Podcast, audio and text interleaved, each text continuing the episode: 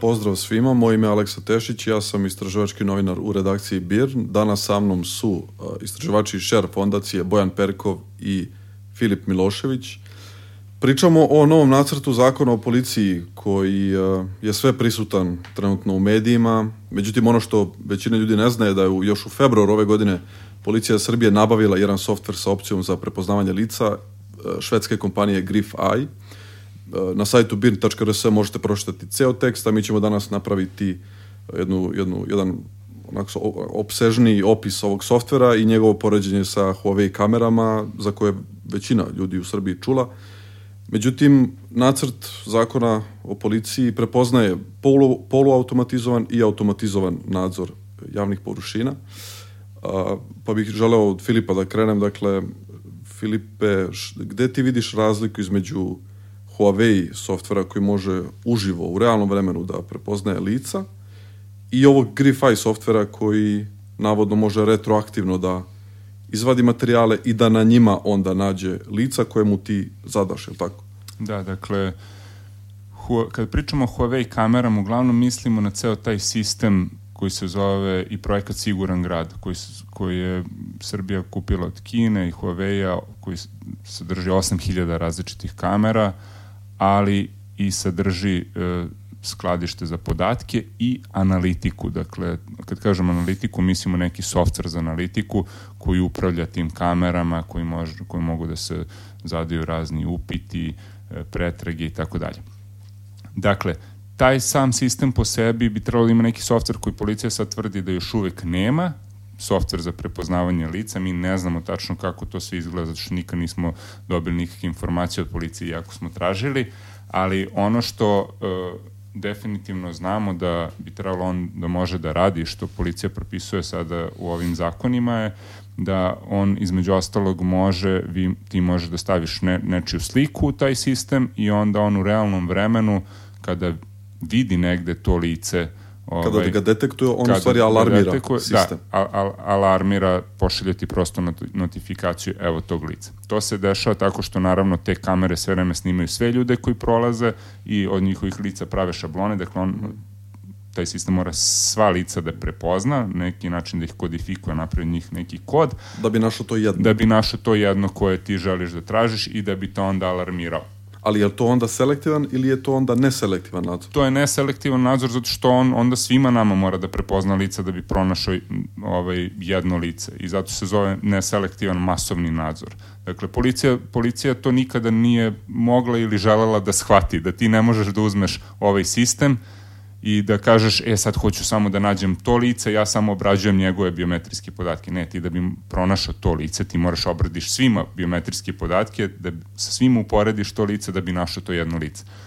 Kada pričamo o softveru GriFi, koja je druga stvar, uh, To je softver koji je prosto jak analitički softver koji koristi veštačku inteligenciju da možete pronađe šta god ti hoćeš u velikim količinama e, različitih materijala. To mogu budu video materijali, slike, mogu budu i neki drugi materijali, ali ti takođe tom softverom možeš kažeš evo ti sada ne znam, sate i sate i sate nekih snimaka sa bilo kakvih kamera i u tim svim snimcima ti mi pronađi uh, ovo lice ili ovaj objekat ili ovaj tekst i tako dalje, onda će onda uzme da analizira sve to i da ti pronađe to nešto što čovek ne bi mogao jer bi mu trebalo mnogo mm. vremena. Tako, tako da to je nešto da što da imamo... je definisano izvini kao poluautomatizovano kod MUPA što dakle se zove retroaktivno. Međutim i Huawei sistem može to da radi tu sad postoje neke razlike, dakle Grify ne može da radi automatizovano, nije napravljen da ga ti poveš direktno na kamere i onda da on u realnom vremenu obrađuje snimke.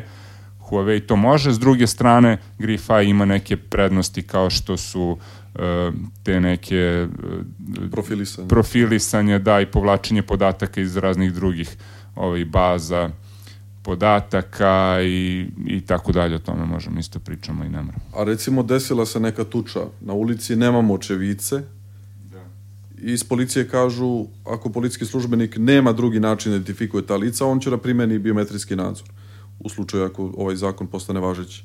I sad, koji su to drugi načini i koji su to u stvari drugi načini kojima službenik može da... Znači imali smo situaciju, ne znam, Matej Periš, imali smo situaciju kad su oni našli počinioce bez biometrijske, biometrijskog nadzora da li je onda nepotreban ovaj, ovaj biometrijski nadzor? Pa mi vidimo da već postoji dakle jedna, da kažemo, široko rasprostranjena mreža video nadzora, naročito u Beogradu, ne samo kamera koje je postavio MUP, već i raznih drugih kamera na privatnim objektima, dakle što je potpuno e, privatni video nadzor gde vi ne znate kakve su tu politike, koliko se ti materijali čuvaju, koliko se oni brišu, e, gde se oni snimaju, ko gleda to e, i tome slično, ali opet smo videli na nekim određenim slučajima kao recimo što je Matej Periš, da je i bez ovako invazivnih alata policija uspela da uradi dobar posao i da u relativno E, da kažemo, kratkom vremenu efikasno utvrdi o čemu se radi. I nekako ta cela priča o efikasnosti nikako ne može da bude, da kažem, jedini osnov ne može da se poziva na to ukoliko e, mi znamo da u kontekstu poštovanja ljudskih prava i međunarodnih obaveza Srbije u tom smislu koja je ona dužna da obezbedi svojim građanima, vi morate da imate proporcionalnost neke mere i morate da imate neophodnost, naravno i da to sve bude zasnovano na zakonu. A vi ako donesete zakon, a ne dokažete e, ova prethodna dva elementa, onda je to zapravo ovaj ugrožavanje ljudskih prava i, i sloboda. Nešto razmišljam, na primjer, desila se tuča neke, nekoj pustoj ulici i sad policija je dobila snimak, ali ne znam ko su osobe na tom snimku, ona će vjerojatno primjeni biometrijski nadzor i u slučaju Grifaja oni mogu da selektuju jednu, jedno lice i da ga nađu u svojoj bazi ličnih karata i da vide ko je to, tako? Da, da, da. To Grifaj to može. To je sistem uh, po kom to funkcioniše. Međutim, policija je i preradila taj svoj posao nekako prilično efikasno. Mi, I oni se hvale da, da, da je Beograd bezbedan grad, da nema nerešenih slučajeva, Dakle, to se zove obaveštajni posao. Znaš, ti sada jeste, oni su se žalili da kada su tražili Mate Periša su morali da pregledavaju stotine sati snimaka. Ali, mislim, takvi slučajevi se redko dešavaju kad ti treba rekonstruišeš kretanje jedne osobe toliko ovaj vremenu nazad koristeći različite izvore kao nekih snimaka sa različitih kamera i tako dalje to što Boki kaže, oni žele da imaju ovakve softvere koji će da, da im olakšaju posao mnogo, međutim po koju je to cenu. Njima hoće to sve olakšati posao, ali će im dati mogućnost onda zapravo da znaju ko se gde kreće u svakom trenutku i ako neko ima pristup tim bazama, onda može vrlo ozbiljno da se zloupotrebi protiv političkih protivnika, aktivista, istraživačkih novinara. Či ti možeš sada da pratiš novinara i da mu otkriješ izvor jednim klikom. Znaš, mm. ti vidiš s kim se novinar video, prepoznaš to lice, uporediš se sa bazom biometrijskih podataka i možeš da ucenjuješ prosto. Tako da mi ne vidimo sada da tu postoji ta proporcionalnost. Znaš, nije da, da se mi sad ovde ono ovaj, da smo previše ugroženi u Beogradu da bismo morali da imamo jedan ovako intruzivan sistem. Mm -hmm.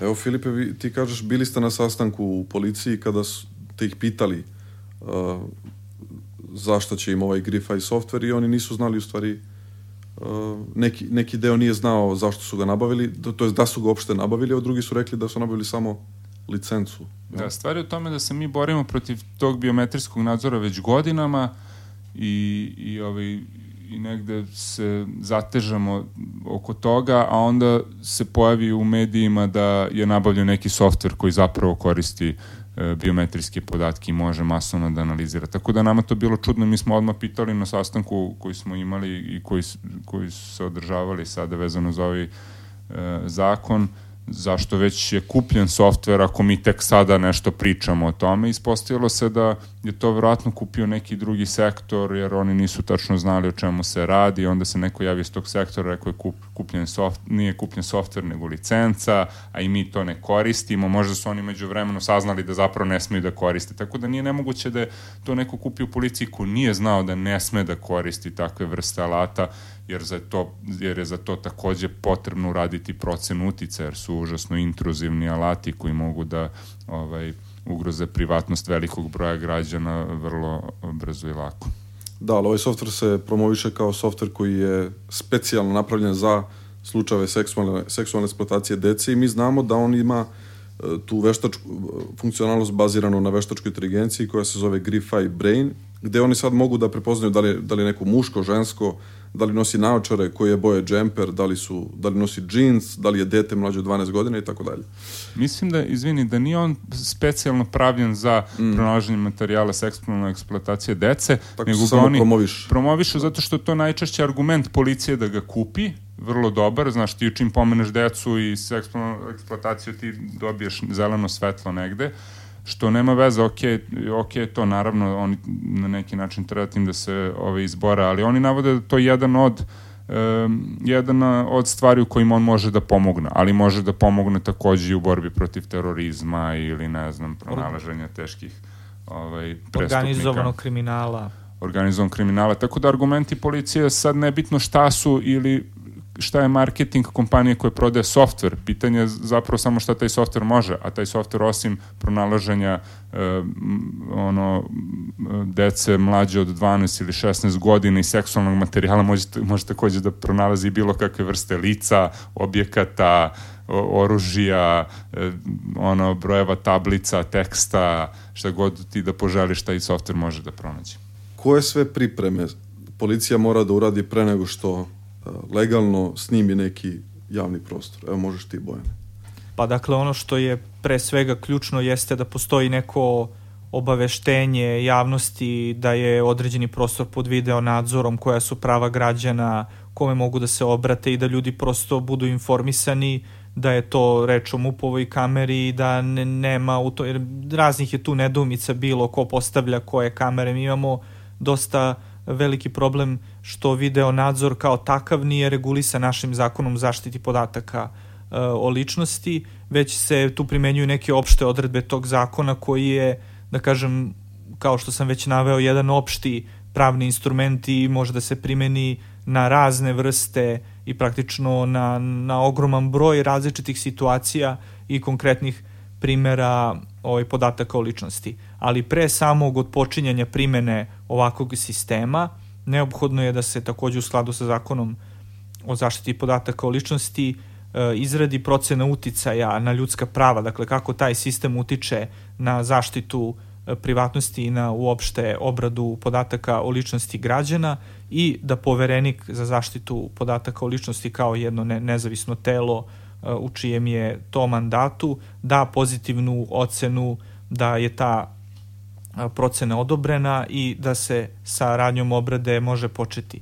I nekako taj, taj sistem i postoji sa ciljem da se ovaj, podaci o ličnosti građana obrađuju u sladu sa zakonom, zato imamo dakle sve to i iako jeste to sada pitanje kažem koje se, koje se uvek spominje da ne, ne znam, policiji bi bilo lakše, policija treba da ima naj, te najsavremenije softvere, ali je pitanje opet koje ne može e, da, da se zanemari, koje ne, ne sme nikako da se zanemari naš pravni sistem, e, međunarodne konvencije na koje se Srbija obavezala i uopšte ceo taj, da, cela ta logika, da kažem, iza, iza zaštite ljudskih prava ne, ne, nekako mora se uzeti u obzir prilikom svake primene ovakvih alata, ne da to bude nešto što se eto sporedno se uradi čisto da bi se ispunila neka norma. Nije sama po sebi norma ne znači ništa,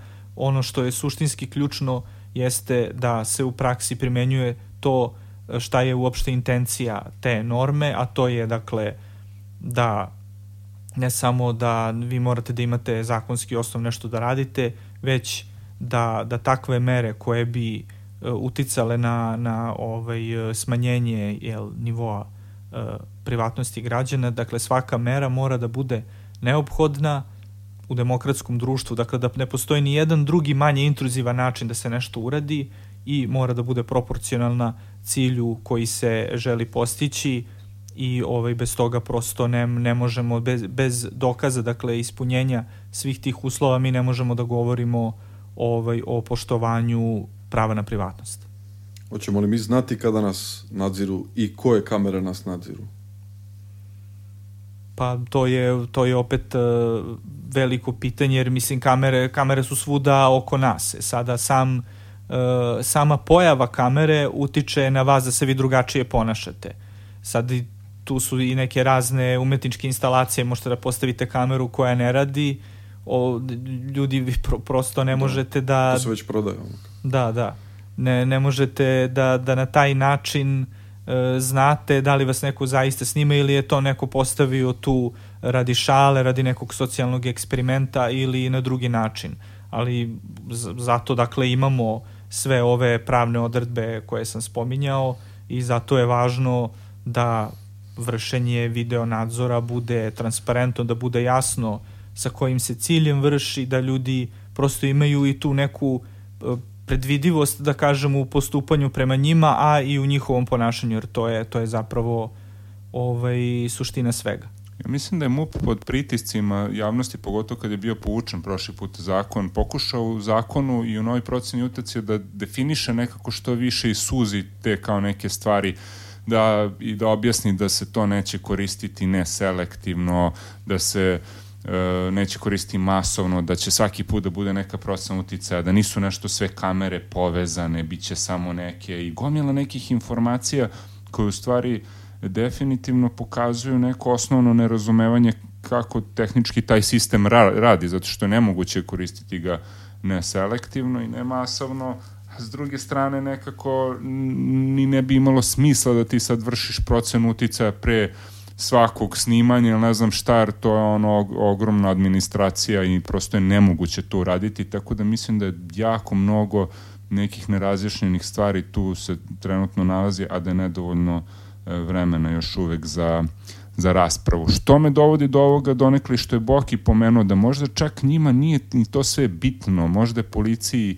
i vlasti najbitnije da mi kao građani znamo da smo pod nadzorom, jer ćemo tada da se osjećamo pokorno, tada možda nećemo izlaziti na proteste, jer znamo da nas neko snima, možda će moći nam prepozna lice, nekim aktivistima su već stizali neke kazne, to je tebi već dovoljno da negde držiš neku ono kontrolu ovaj, nad situacijom u, u, u zemlji.